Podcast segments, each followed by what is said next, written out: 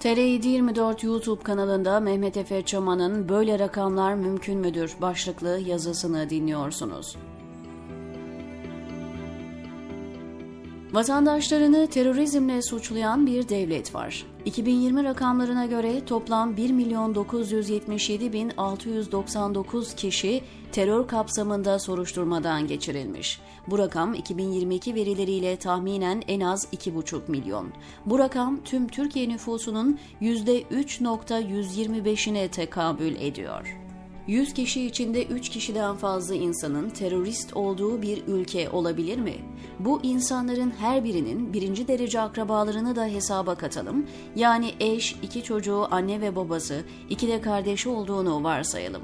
Bu durumda rakam 17 milyon 500 bindir. Bu hesaba göre Türkiye nüfusunun %21.87'si ailelerinde terörizmle ilişkili veya bağlantılı bir kişiye sahiptir. Her 5 kişiden birinin ya kendisi ya da birinci derece bir akrabası 2016-2022 yılları arasında terörizm soruşturulmasından geçirilmiş.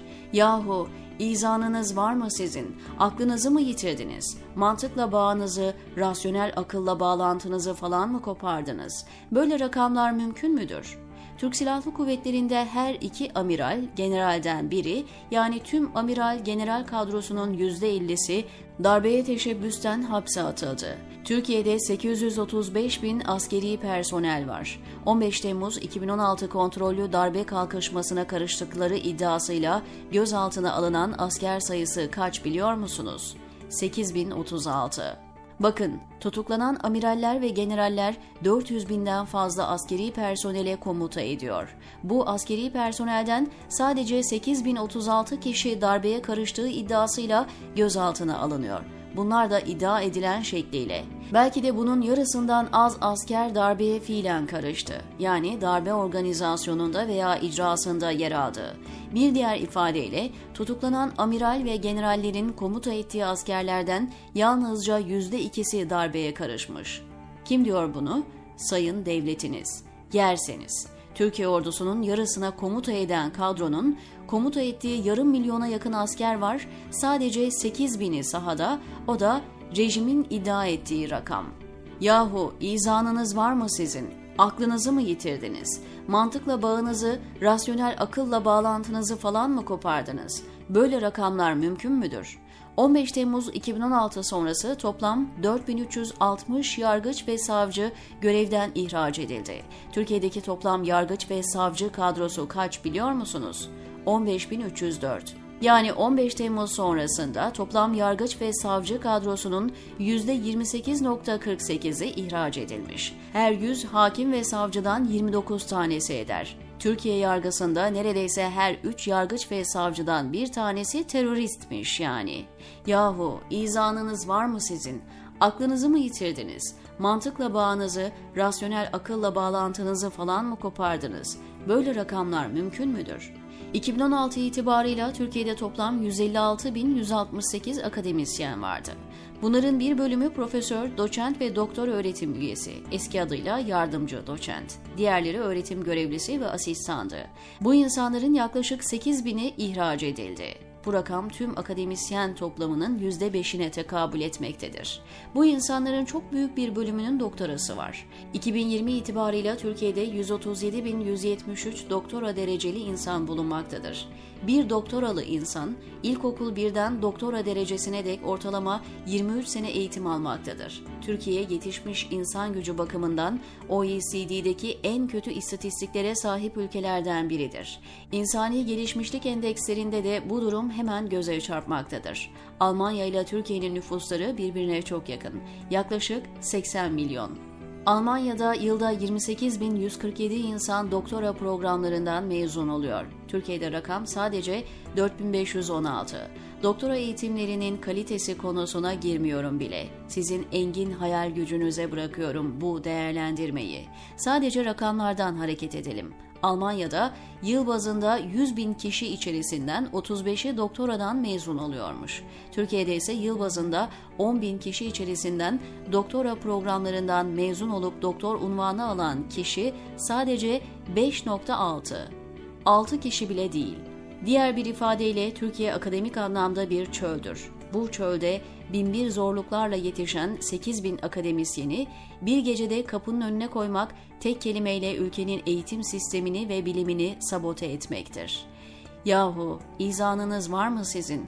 Aklınızı mı yitirdiniz? Mantıkla bağınızı, rasyonel akılla bağlantınızı falan mı kopardınız? Böyle rakamlar mümkün müdür?'' 2016'da Türk Silahlı Kuvvetleri'nde toplam muharip savaş pilotu sayısı 450 idi. Bu pilotların 213'ü 15 Temmuz sonrası ordudan ihraç edildi ve tutuklandı. Buna göre Türkiye'nin toplam muharip savaş pilotu kadrosunun %47.33'ü teröristmiş darbeciymiş falan diye ihraç edildi.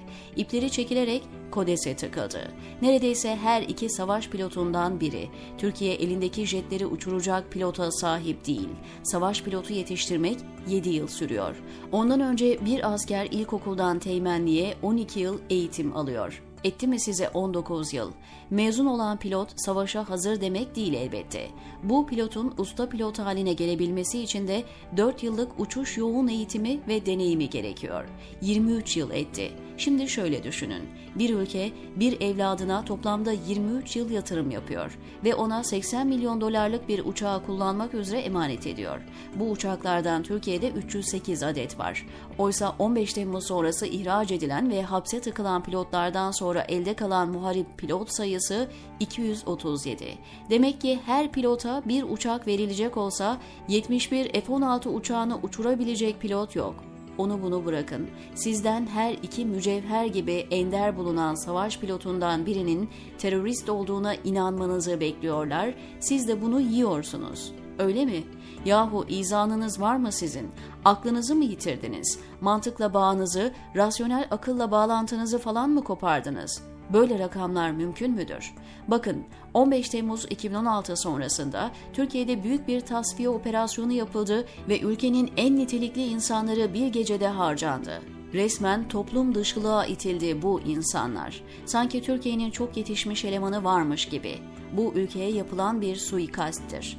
Gerçek darbe de budur. Gerçek ihanet de budur. Gerçek hainlik de budur. Ki ben bu yazıda yer sorunu nedeniyle başka rakamlara giremiyorum.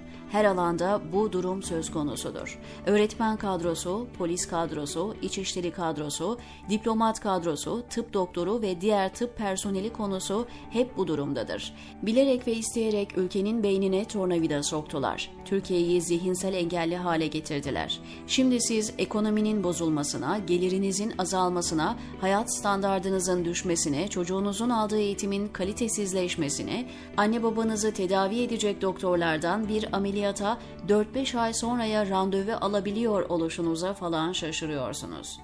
Aklınız neredeydi ülkenin en zeki ve yetişmiş evlatlarını kıyma makinesinden geçirirken hırsızlar çetesi? Siz o insanların fişini çekince bunun kendinize bir maliyeti olmayacağını mı sanmıştınız? Yanıldınız ülkeyi 20 yıl geriye attılar. Türkiye tarihinde yapılan en büyük vatan hainliğidir bu. Eğer izanınız varsa aklınızı yitirmediyseniz, mantıkla ve rasyonel akılla bağınızı kopartmadıysanız, bu durumun size de en az bana geldiği kadar rahatsız edici ve tuhaf gelmesi gerekir, diyor Mehmet Efe Çaman, TR724'deki köşesinde.